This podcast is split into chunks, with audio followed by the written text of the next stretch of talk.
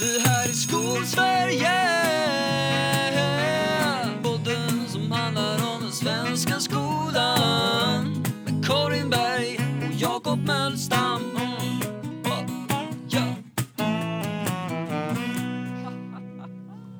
Ja.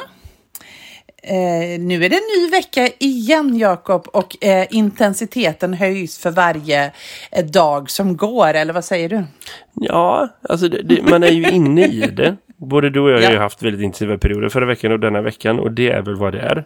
Mm. Det känns som att det var ett tag sedan man var ledig och hade sommarlov.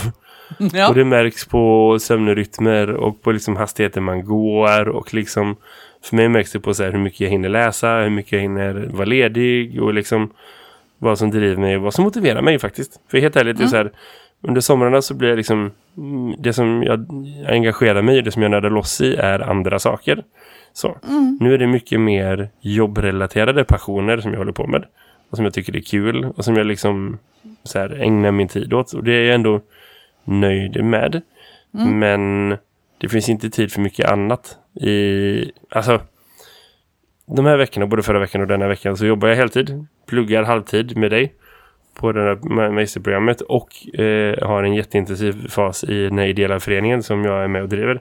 Så det är ju mycket annat också. Men liksom, det finns inte mycket oplanerad tid. Och det bör man ju ha någonstans i sin vardag också. Jag, jag har ju nog, alltså, jag har 19 dagar i rad, tre veckor, där det är så här söndag eftermiddag 17 till 22 eller när man borde gå och lägga sig. Båda de två söndagarna. D- Där bör- jag behöver bara kolla igenom att jag vet vad jag ska göra imorgon. Men det är allt, typ. Ja, nu förra söndagen så jag också tog ett coronatest för att så är det. Eh, och det kan Ja. vi prata mer om sen. Men liksom eh, annars, annars är det bra. liksom så. Men, men annars är det varje timme supernoggrant planerad. Och vad jag inser när jag ser tillbaka, för jag har ändå jobbat med det här jobbet ett par år nu. Vi har inte pluggat jättelänge samtidigt, men liksom jag har drivit den organisationen samtidigt, jag har fixat och donat, alltså jag har haft mycket i perioder. Också mycket konstiga sidoprojekt. Det är så här lärar, Twitter, Ankdams sidoprojekt som jag tack gode gud inte håller på med längre. Men liksom du vet sådana grejer som man hade ganska intensivt också i omgångar. Eh, och vad jag känner är att jag har blivit bättre på att leva med så här 150% tempo korta perioder. Så. Jag visste om i mitten på augusti att liksom den här, de här veckorna i september kommer bli galna. Jag såg till att vara extra ledig de sista lediga dagarna jag hade. Jag ser till att planera min undervisning så att jag är superförberedd. Jag har liksom inte några så super ha, ha, ha, roliga liksom bara lektioner utan jag har se till att ha, vara där i fas med olika undervisningsprojekt och cykler att jag har liksom faktabaserade grejer just nu. För jag kommer komma använda det och komma in i saker sen. Det finns en meningsfull progression i det. Men jag behöver inte liksom vända ut och in på mig på varje lektion jag har just nu.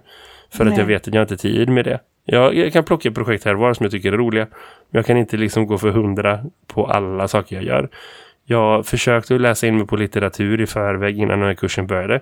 Jag läser fel bok, det är det som kommer i oktober, det är det jag läst. Men ändå, tanken var god. Jag får en guldstjärna för att jag försökte, försöker jag säga till mig själv. Och liksom, du vet, jag Ja. maxade träningen veckan innan för att liksom eh, kunna skippa gymmet i 10-15 dagar utan att känna mig dålig liksom så. Och så, så det är ändå okej. Men, men det... Jag, och så här, det viktigaste var att jag visste när jag gick in i det. Nu är det så här i 19 dagar. Sen kommer jag vara ledig en riktig helg och sen kommer jag liksom tagga ner igen och ha det ändå lite pauser här och var. Så. Och det, det är det som gör att jag funkar nu. För vad jag hade gjort för några år sedan är att jag hade bara gått in på 150% inte riktigt definierat hur länge jag skulle göra det. Och sen hade jag eh, gått tillbaka till ja, men 130-120 och sagt så här, nu är det skönt, vad bra, nu är det lite avslappning. Och det är det inte. Och så jag på Nej. till dess att jag hade mått fysiskt illa. Det var det som hände liksom i mitt förra jobb och med min förra arbetsgivare och den liksom eh, på något sätt liksom så här skadliga åt båda hållen relationen som vi hade någonstans. Där man liksom kramar ur varenda liten droppe av varenda medarbetare som har någon som helst ambition eller någon som helst idé eller någon som helst så här ja men jag hjälper till att göra det för annars blir det inte gjort. Den, Ja. eh, och, och samtidigt har ambitioner av att göra bättre än, vad- än vad man får betalt för eller än vad, vad som är finansierat för. Och, och, och det i kombination med att inte vara så bra på att planera sådana grejer, det, jag hade tagit koll på mig förr eller senare på ett eller annat sätt. Så jag, Ja, jag är det- supernöjd att jag är en annan plats idag där jag ändå kan, herregud, jag jobbar inte för en arbetsgivare som liksom sätter, som värderar mig så. Det är inte det jag säger, ah, men ta lite lugnt, chilla lite. Nej, Nej. det, det finns inte. Men, men däremot liksom att ha kommit dit själv. Att jag vet att okej, det är 19 dagar, sen är det bra. Då tar man sig igenom det, eller hur? Ja, det gör man. Och jag tror att de, jag behöver bli bättre på det där, för jag, jag har ju svårt... Jag har svårt... Så här ska jag säga. Jag har svårt när jag ser en lösning på ett problem att bara gå förbi det. Är du med? Jag har svårt att se liksom, åh, det, varför gör vi så här när vi kan bara vända på alltihop? Och, jag, och sen har jag ju en hjärna och det är inte för att låta duktig utan jag, jag har väldigt, väldigt lätt att se helheter.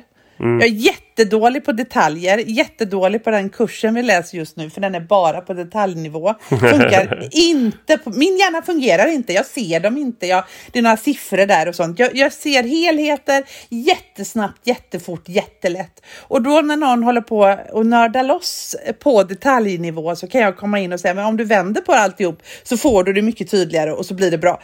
Och jag är inne och pillar i, jag skulle behöva bli duktigare på att sätta de gränserna för mig själv. För att när jag gör de där grejerna, då är jag ju helt plötsligt inne och rotar i allt.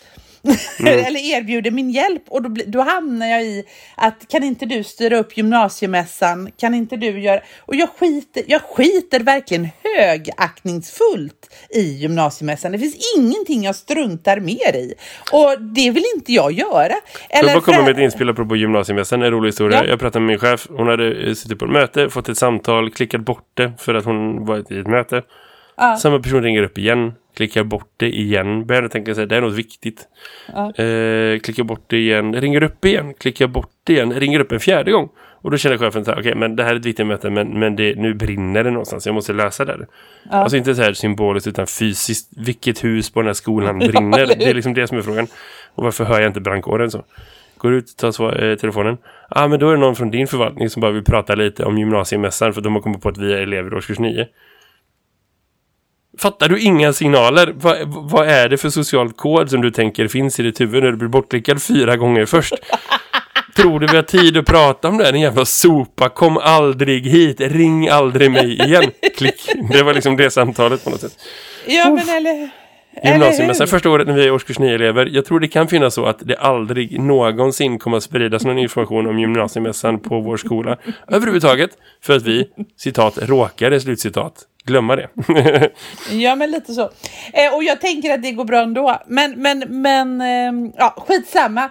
Hur som haver så har vi i alla fall... Eh, eh, så jag skulle behöva bli bättre på det här att sätta en början och ett slut och sen också då ta ledigt. Jag har faktiskt gjort en sån planering i år i mina kurser där jag har varit lite smart och liksom planerat in att det blir liksom, eh, liksom de här topparna, då blir de inte i alla kurser. Jag har varit väldigt smidig.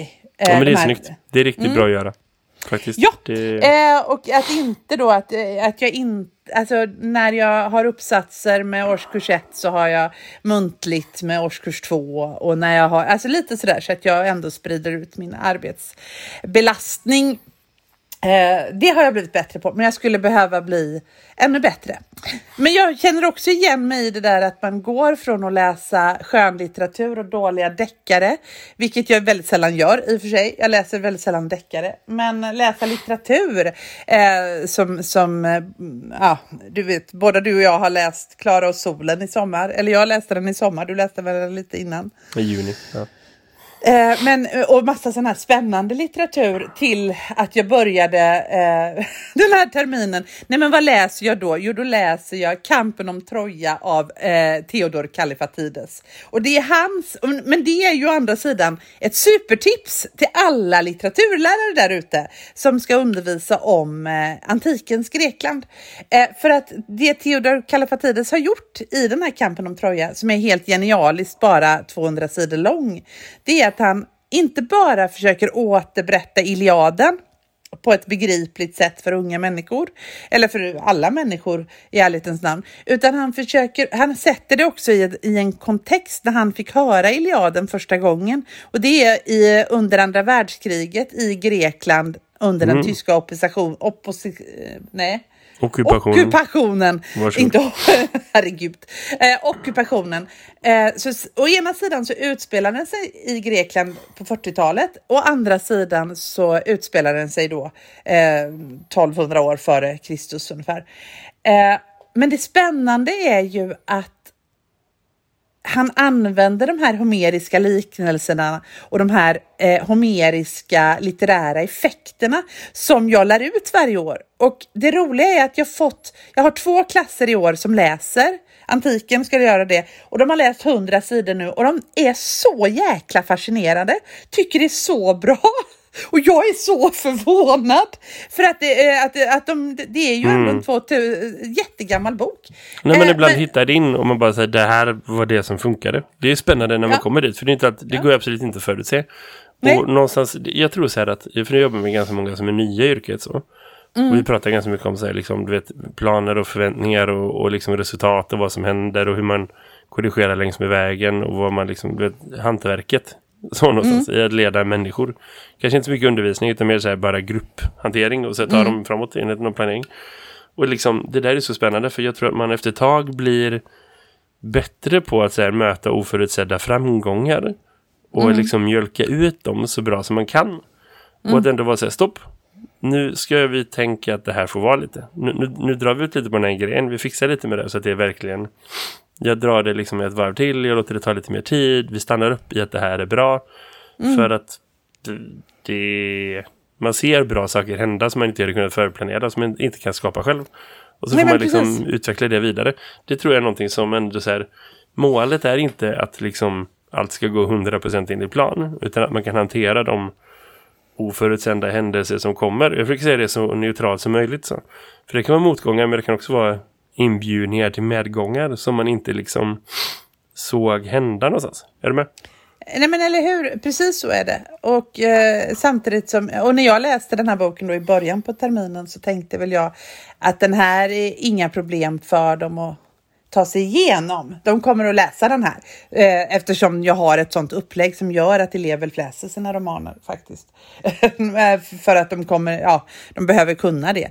Eh, men, men, men det är ändå Ja, spännande, spännande att det var så jävla lyckat att läsa om Agamemnon och Achilles vrede.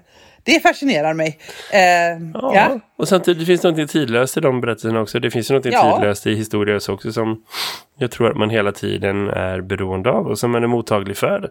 Jag menar, en av de mest populära i podcastarna i Sverige är väl Peter i historia liksom. Eller de här Peter ja. Dokumentär som pratar om modern historia ofta. Så Mm. det finns ju ändå ett intresse av att liksom jämföra sig och spegla sig och se hur det är. Och det tror inte jag blir mindre bara för att vi har en tid som är så väldigt, väldigt intensiv eller så väldigt här och nu eller som är så framtidsorienterad eller som just nu är så här undergångsorienterad så tror inte jag att man liksom blir mindre benägen av att fascineras av eller liksom behöva spegla sig och återkoppla till saker som har varit förut utan snarare tvärtom. Att man blir mer mottaglig för det och liksom i allting som pekar åt att yngre människor blir liksom smartare och smartare och bättre och bättre på att resonera och filosofera och tänka och reflektera och så. Så känns det som att liksom att även ha en historisk medvetenhet och sätta sig själv i ett historiskt perspektiv blir lättare. Också för att vi har tillgång till källor och information och liksom man vet mer och man kan mer. Så jag tror verkligen ändå att det är jag förstår att det är fascinerande och liksom oväntat för att det är inte så det brukar vara. Men Nej. det ligger ju ändå i tangentens riktning för vart mänsklighet är på väg, eller hur? ja, både det och, och sen finns det väl en anledning att historien har överlevt, vadå, 3000 år? Det finns ju... det finns Alltså det ju där en slog mig igår när jag träffade en bekant som ändå är en begåvad person och som liksom rör sig mycket runt om i samhället. En journalist som liksom du vet, är med och som, som, som, är, som är kunnig och intellektuell och beläst och som, som, som ser olika delar och som har mycket bra reflektioner någonting. Så. Men så började vi prata om skola och utbildning och unga människor och, och liksom i allmänhet men också specifikt där jag jobbar och så. Och det, det var så där fascinerande hur omed hon var på något sätt. Är du med? Och, och då slog det mig efter stund så här, ja men det här är en person som bara är en, en vanlig människa. Och som inte möter unga personer och som inte ser unga personer mer än kanske sina egna barn och den kontexten de är i och så. Som ändå lever någonstans i en skyddad verkstad där man inte ser de förändringarna som pågår i, i liksom vad, om man säger, vad händer i gymnasieklassrum idag kontra för 10 år sedan, för 15 år sedan, för 20 år sedan så. Det där är det skulle man vill behöva titta mer på. Det skulle vara intressant att, att fördjupa sig mer i det. För att jag tror det finns någonting otroligt relevant i det. Som både kommer att vara lösningen på en del av de samhällsproblemen som vi inte riktigt kan definiera nu. Men också för att inte helt... Ja men så här, vad gör man folk för tjänster om man liksom bara utgår från att den yngre generationen är sämst? liksom. Nej, och, och det här att de inte har respekt. Och jag mötte en i korridoren på vår skola som var, stod och pratade med någon, eh, alltså en, en sån här gäst som också fick ur sig att ja, men unga människor har ju inte respekt med sig idag. Och jag, och jag, och jag då var tvungen, och han sa det liksom i en kontext där det stod flera och pratade och jag kände bara att jag har aldrig i ett, jag blir liksom behandlad med respekt. Det är inte mitt problem. Jag har inte ett sånt problem. Och det är ju att gå till sig själv, men fortfarande är det ju så att det är ju inte så att unga människor idag är vidrigare än vad tidigare generationer Men det var. finns ju alla genrer, det finns hela Ja. spännvidden. Det är det som är grejen. Jag har, jag har problem med, med elever som inte visar respekt. Gentemot mig, gentemot klasskamrater och så. Folk Mm. som liksom hör, blir tillsagda, som skiter i vilket för att de Är som de är. Ja. Mm. Ja men så. Omognad, liksom eh, en avsaknad av krav, ohälsa. Det kan finnas massa saker bakom. Men det som kommer ut är respektlöst. Så. Och, och där det liksom mm, så. Och det kanske inte är så här det mest produktiva att uttala det. Hallå, det här är respektlöst. Du är respektlös. Det kanske inte får de flesta människorna förutom de som är precis, precis på vippen och förstå att så här, oj, oh, nu ska jag skärpa till mig. Så. Och de som gör det, det är kanske de som ändå hade lite respekt någonstans men bara glömde bort det. Så det, det finns ju ett moment 22 i det. Men, men, men att uttala sig så brett om det och så generellt sett om det, det, det är... Alltså generaliseringar har väl aldrig varit en bra idé. Men, men just i sådana sammanhang, inte så mycket. Om vi ska byta ämne, apropå generaliseringar. Det kom fram en elev till mig idag på lunchen på skolgården och sa så här. Jakob, efter den 29 september så finns det inte corona mer. ja, Japp. Och då tänker Eh. jag, det här är en spegling av vad som händer i samhället och vart vi är på väg. Alltså det känns så tydligt att liksom vi närmar oss slutet och vi kommer inte klara av ett stegvis slut. En liksom soluppgång som är så här, vet, i nyanser. Utan det är liksom... eh, Det är high noon. Det är liksom middagssol direkt på något sätt. Annars Ja. får det vara. Och det... På samhällsnivå, jag vet inte. Jag är inte en samhälls... Eh, så här, smittskyddsläkare, expert. Jag kan fortfarande Nej. inte säga det. Epidemiolog, jo det kunde jag. Ja. Men, men eh, jag har tänkt mycket de senaste två veckorna på hur dubbelt det känns att hela samhället öppnar upp och liksom fler och fler människor är så här, ah, nej men vi kan ändå göra det här, det borde funka nu och liksom kompisar man träffar, vänner man träffar, bekanta man träffar. Jag var på ett dop hos en god vän och liksom du vet så här, eh, hans morsa som är skitgammal fram och och man blir så här, vad händer? Eh, och det det hade inte varit konstigt om det inte var för pandemin men liksom så till att liksom hela samhället går till hållet, vi släpper restriktioner och det känns som att det är hela den här världen som speglar precis det den här tioåringen säger. Ja men efter den 29 september så finns inte eh, corona mer. Och samtidigt så jobbar jag på en arbetsplats med 840 elever. Mm. Där en är vaccinerad. För att de andra får inte. ett av barnen, ja, eller eleverna. Ja, ja, ja. och sen ovanpå det 100 vuxna varav normala siffror är vaccinerade. Men det är liksom det är småpotatis. Även om varenda lärare hade varit av tvång liksom vaccinerad dubbeldos innan vi kom tillbaka. Så är det fortfarande så att vi är i snudd på exakt samma situation som vi hade varit i våras. Så. När det kommer in nya liksom, eh, varianter och som sprids mer bland yngre människor. Det finns ingen skillnad. Det gör inte det. Man kan hoppas att det är lite bättre. Man kan vara lättare att vara ute och man kan liksom sprida ut sig lite mer. Det, vad är det som man tror det ska vara så mycket bättre? Hela samhället här, nu är vi vaccinerade och nu blir det bättre. Anders Tegnell säger att så här, vi kanske borde ha olika restriktioner för vaccinerade och ovaccinerade. Eh, ja, det är rimligt i resten av samhället. Men i, i, i Sveriges största arbetsplats är fortfarande nästan alla inte vaccinerade. Och det är inte någonting som kommer gå att säga till folk. Inte ens föräldrar till barn kommer kunna liksom förstå det. Vi kommer vara tillbaka till exakt samma situation som vi är varenda jävla höst och vinter. Om att liksom man får tvinga folk att komma och hämta sina barn. Jag lovar dig. Det kommer att ta inte alls lång tid innan den här viljan att liksom vara solidarisk och ansvarsfull och så släpper när det släpper för resten av samhället. Nej men jag kan hålla med dig, eller jag förstår precis den grejen för att man, vi är ju så otroligt trötta på hela den här eh, pandemiskiten liksom så att då tänker man att ja, men jag har vaccin och jag är, eh, men, men samtidigt så har ju, alltså det, det sprids ju som en jävla löpeld genom eh, fortfarande även om du har vaccin så kan du ju fortfarande bli sjuk nummer ett och nummer, även om du inte hamnar på sjukhus och sen är det ju dessutom så att, att vi har ju massa barn då. Eh, och jag förstår, jag, för, jag hänger inte riktigt med för jag kan ju någonstans köpa det här att vi får dela upp de vaccinerade och de ovaccinerade eh, i, i eh, du vet, i, i i samhället i, i, för att det enda sättet att få bort det, det här viruset gissar jag är att vi vaccinerar bort det precis som vi gör med allt annat. Och, men då åker vi ju på att jag, jag undrar ju liksom hur stor, hur fort går forskningen på att vaccinera åtminstone upp till 12 år? Alltså det är ju andra Alltså det är godkänt i Kanada, USA, de flesta europeiska länderna. Har man redan kommit igång. Norge, Sverige, Norge, Finland och Danmark håller på att vaccinera 12-15-åringar.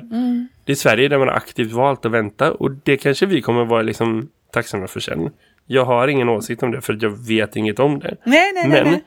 Det är ingen som pratar om att så här, vi ska ha öppet biografer men det ska vara förbjudet för folk under 16. Vi ska ha öppet restauranger men det ska vara förbjudet för folk under 16. Vi ska ha konserter men det ska vara förbjudet för folk under 16. Nej, det säger vi ju sk- inte. Ingen säger det. Vi, vi flyg, inga problem. Och buss, inga problem. Vi tar bort alla restriktioner.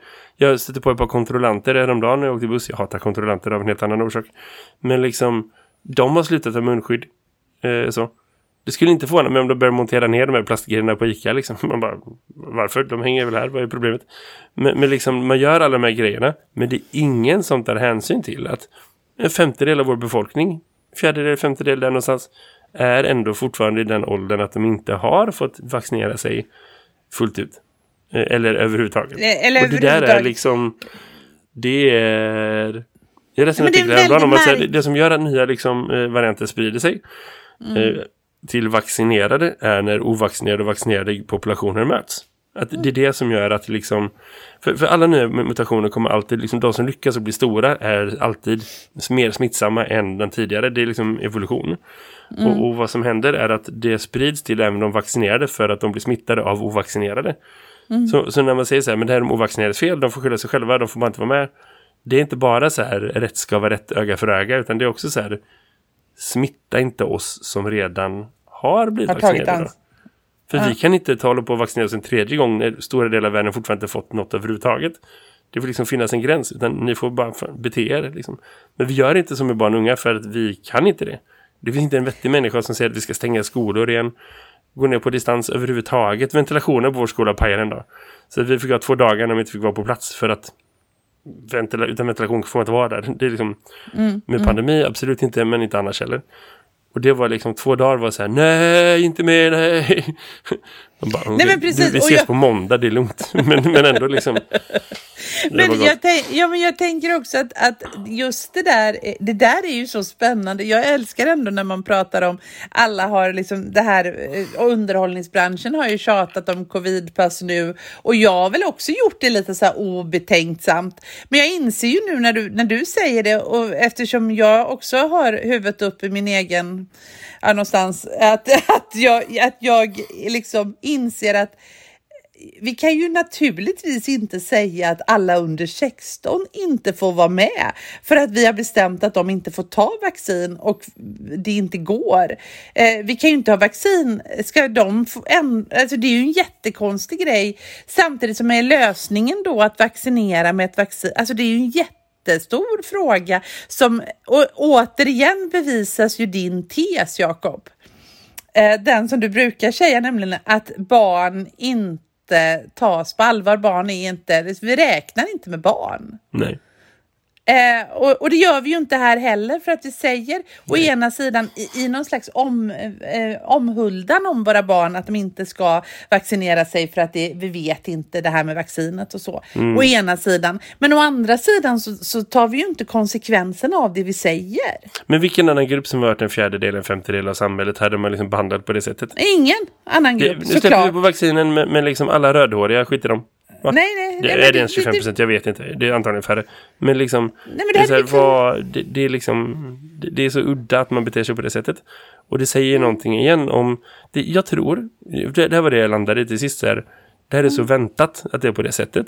För man bryr sig mm. inte om hur det är i skolan. Man bryr sig inte om hur det är för barn och unga. Och då slog det mig att det hänger ihop.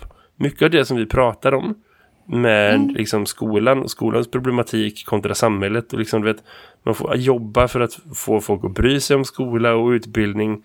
Det är inte självklart att liksom det ens finns en opinion för att svensk skola ska vara välfinansierad. Liksom för att det är tydligen skönare att få lite skatteavdrag liksom så. Mm. Inte ens när man förklarar hur jävla sämst det är och, och jävla kast inte funkar när någon inte är på plats. För att det finns inga veterinärer, det finns inga rutiner, det finns ingenting. Mm. Alltså så, det finns så många saker som inte funkar och som man bara är okej okay med. Och, och det har vi pratat om i 265 avsnitt eller vad vi släpper nu. Liksom så. Men det som slår mig är att det hänger ihop med vilka människor som finns här.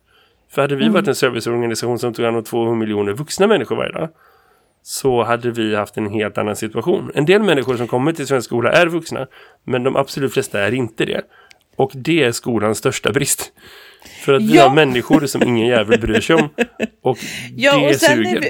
Vi, hade det dessutom varit bara vita män i medelåldern, fatta vad de hade brytt sig om oss. Eh, Förstår du liksom om det bara, alltså för att jag menar om det hade varit, vi bryr oss ju inte riktigt om en kvinnlig arbetsplats eller om det är en eh, etni, alltså e, inte etnisk svenska eh, på en, eh, i majoritet på en arbetsplats så bryr vi oss inte heller eh, någonstans. Nej, nej, alla, de, alla, de, alla de grejerna är faktorer och det tror jag folk mm. förstår. Men, mm. men jag tror att alltså, unga människor, folk under mm. 18, barn, barnmänniskor, mm. de människorna tror jag är en grupp som är säger jag som vit svensk man, ännu mer förfördelade mm. på det sättet. Det är liksom ännu ett filter mm. om inte annat.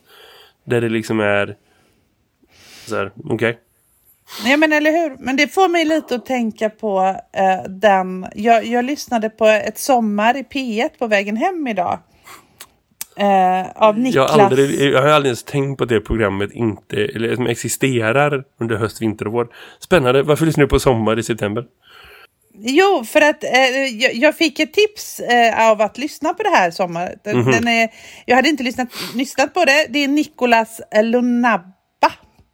L-U-N eh, Lunabba. Har du hört talas om honom? Eh, nej. Nej, han eh, är ju en, han driver föreningen Hela Malmö i Malmö och jobbar för att människor ska känna sig, och framförallt barn och unga, ska tas på allvar, eh, kunna liksom påverka sin egen verklighet, eh, kunna gå i skolan och hela den biten. Liksom. Mm, mm. Eh, och i Malmö som är en extremt segregerad stad där människor har, eh, har det svårt Eh, där, eh, på många sätt. Och han pratar om just det här med, han, alltså hans, hans sommar handlar om eh, han säger själv att det handlar om just de här barnen som lever i en extrem utsatthet. De barnen som dödar och de barnen som blir dödade. Men också de barnen som, som har liksom vuxit upp i den miljön där, alltså gängkriminaliteten helt enkelt, som inte alls har tänkt att döda någon och som inte heller kanske faller offer för den här brutala verkligheten. Eh, men han pratar i, i en jättespännande sägning som jag inte vet om vi kan spela upp i, i podden. Vad tror du Jakob? Jo men det tror jag visst, för, det, för jag hörde den. Nej okej. Okay. Jag svär vid eh, gud att Sveriges Radio kommer döda oss. Vi lägger en länk och så kan vi lägga en tidsangivelse om du berättar när det är. Ja, nej men i podden, eh, när det då har, är liksom 16 eh, eller 15 eh, minuter och 32 sekunder så Vad pratar... har du det framför dig? Jajamän, för jag tänkte att jag skulle spela upp det för dig för jag tyckte han pratade så fint. Så fint att du är förberedd Karin. Jag älskar det. Ja. 265 avsnitt, jag har inga planer. Jag skrev en mening till dig häromdagen, det är allt jag har. Jag gillar att du har tagit fram tidsangivelsen. Superfint. Ja. Vi gör så att vi lyssnar fram till direkt efter det avsnittet så bara går du in och lyssnar på 1532 in i det avsnittet. Yes. Ja, nej, men, men han, det han pratar om där som är så himla fint, eller som inte är så himla fint, men som, som, som, som gjorde så jävla ont i mig, det är att han, han sitter, han har tagit sig an en pojke som, som heter Elijah. Eh, som Elijah har det skittufft. Han är en sån här unge som verkligen balanserar mellan, ja, ska jag gå till våldet eller ska jag inte? Liksom. Och han, han, eh, den här eh, Nicolas har liksom bestämt sig för att han får flytta hem till mig. Det är för jag har ingen annan lösning. Han får flytta hem till mig. Och så när han har flyttat hem där några dagar och så sitter de och vardagen har börjat och det är ju en jättestor grej ska, eh, att få, eh, alltså det är en stor sak att få att få en, en ny ungdom hemma hos sig. Eh, det, Såklart. Och, och, och få, det är ju en annan sak än att jobba med ungdomarna. Eh, men i alla fall, det, det, det är så illa så att han bestämmer sig för att han ska få flytta hem till honom. Eh, jag måste få tyst på hunden. Kan du Japp. bara... Eh...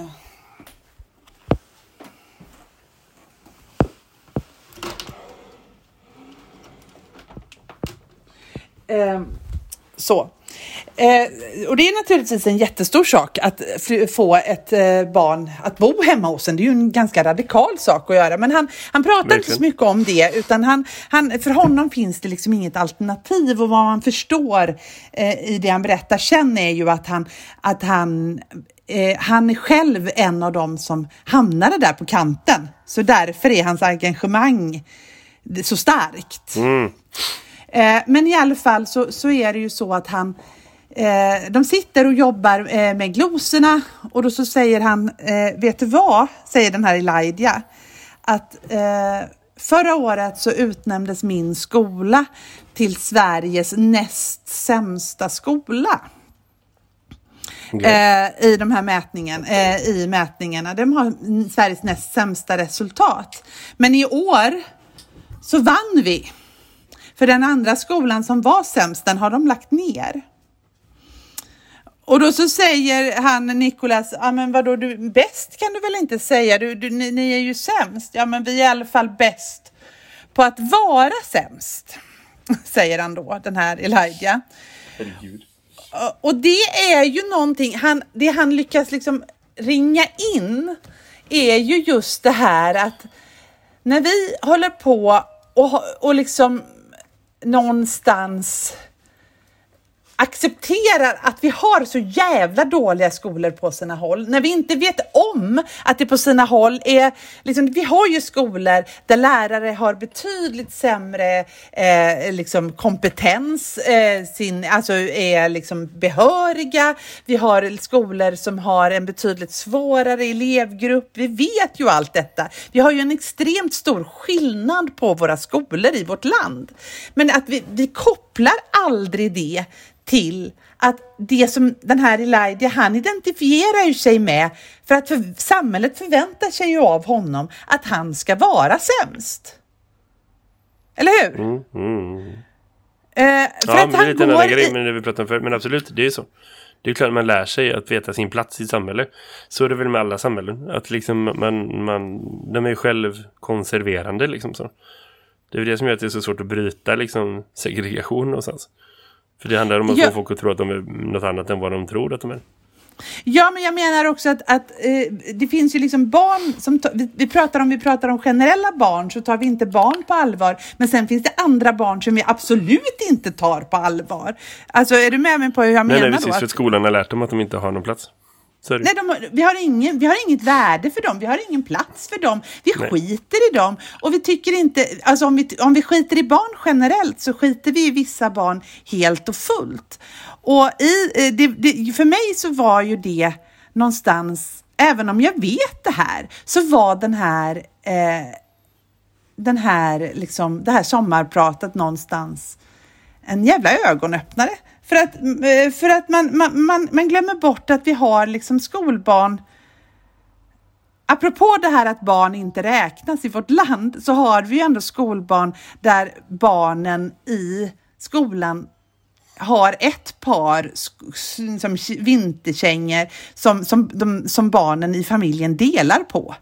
Det finns liksom sådana ja, ja, familjer. Det det och det finns familjer som har det så svårt att man inte har mat för dagen. Det finns det i Sverige, men vi vill inte liksom, samtidigt så är det ju så att vi har klyftorna ökar mellan de rikaste familjerna i Sverige och vi ökar mest i Europa enligt OECD. Alltså klasskillnaderna. Så att, mm. eh, så att någonstans så har vi ju, förutom att vi då skiter i alla barn, så skiter vi också i vissa barn ännu mer. Ja. Vilket är ju väldigt deprimerande. Men det är också så att om vi inte ser till, alltså någonstans så kan jag ju känna att vi, vi det måste vi ju, vi måste ju prata om det här. För att vi kan, kan vi inte rusta skolan jämlikt i hela samhället kan vi inte lösa corona i hela samhället, kan vi inte lösa den här skiten i hela, i hela skolan, så, så, så kommer, tar vi inte skolan på allvar, förstår inte folk skolan på allvar, förstår vi inte hur stora skillnader det är i skolan, så kan vi inte lösa samhällets problem. Nej, och jag ser kopplingen mellan det, alltså, de här två områdena och så. Mm. Men det finns ändå två olika processer ja. i det. För det handlar mm. om skolans inre kultur och vilka mm. som får plats i skolan och vilka förutsättningar skolan har och bredda för alla. Och skolans plats i samhället och betydelse i mm. samhället. Och de två sakerna är naturligtvis beroende av varandra. Men mm. det är då två olika saker samtidigt. Och det där är en helt annan värld av galet. På något mm. sätt. Du Karin, vi börjar närma oss slutet på den veckan också. Vi får hitta ja. någonting så skönare att landa i än, än att vi bara skiter i hela. Jag var med med grejer häromdagen, förra veckan faktiskt, som jag glömde nämna för dig. Jag har en ja. fråga. När var det sist någon neg till dig, oironiskt? har det hänt? Jag vet inte om det har hänt mig. Ja, den är med förra veckan. Nej. Jo, det är sant. En, en, en vuxen elev. person? Nej, en, en tolvåring typ. Vilket är ännu sjukare. eh, jag stod liksom i, utanför vår eh, restaurang. Man får inte säga bamba, då blir de sura. Eh, restaurangen släppte in folk och, och liksom så. Så kom det några andra elever från det andra mellanstadiearbetslaget. Hade så här, lite dålig koll på de nya. Så jag frågade så här, men äter ni lunch nu? Ah, ja, ja, ja, visst, visst, visst. Så ville jag bara ta upp min skärm och kolla så här, men vad, vilka tider, hur, hur mycket tid är det mellan olika grupper, vad är det som händer? För det ska ju vara spridning så att inte det blir spridning och så. Mm. Eh, och, så. och då uppfattade de som att jag inte trodde på dem. Eh, och mm. det var så här, säger du att du äter så gör vi det. Det lägger inte jag mig men när jag släppte in dem och, jag märkte på dem att de var oförberedda på att det skulle hända. De bara räknade med att de inte skulle få komma in. Så, så, och, så det var flera som åh tack, tack, tack, det var tre stycken. Mm. Eh, och den sista sprang in, vände om efter fyra steg in i restaurangen, vände om, kom tillbaka, neg, tack så mycket och sprang vidare. Jag kände så här, fan du hånar mig. Jag blev, jag blev liksom provocerad av den här människan. Och sen var jag så här, nej vänta paus. Det där var inte inte med ironi. Vad händer? Vad är det här för upplevelse? N någonting helt annat, men ändå. Men det var ändå gulligt. Barn är fascinerande. Barn mm. är spännande. Uh, ja, men det kan vi väl sluta och eh, slå ihop veckans uh, avsnitt. Och så tycker jag faktiskt att vi ska gå in och lyssna på Nicolas Lund Babbas, uh, Lund Abbas naturligtvis. Karin. Skicka med den länken så länkar jag det i avsnittet så du kan se det där du hörde där. Fint! Ha, ha det fint! Hej! Hej! Det här är Skolsverige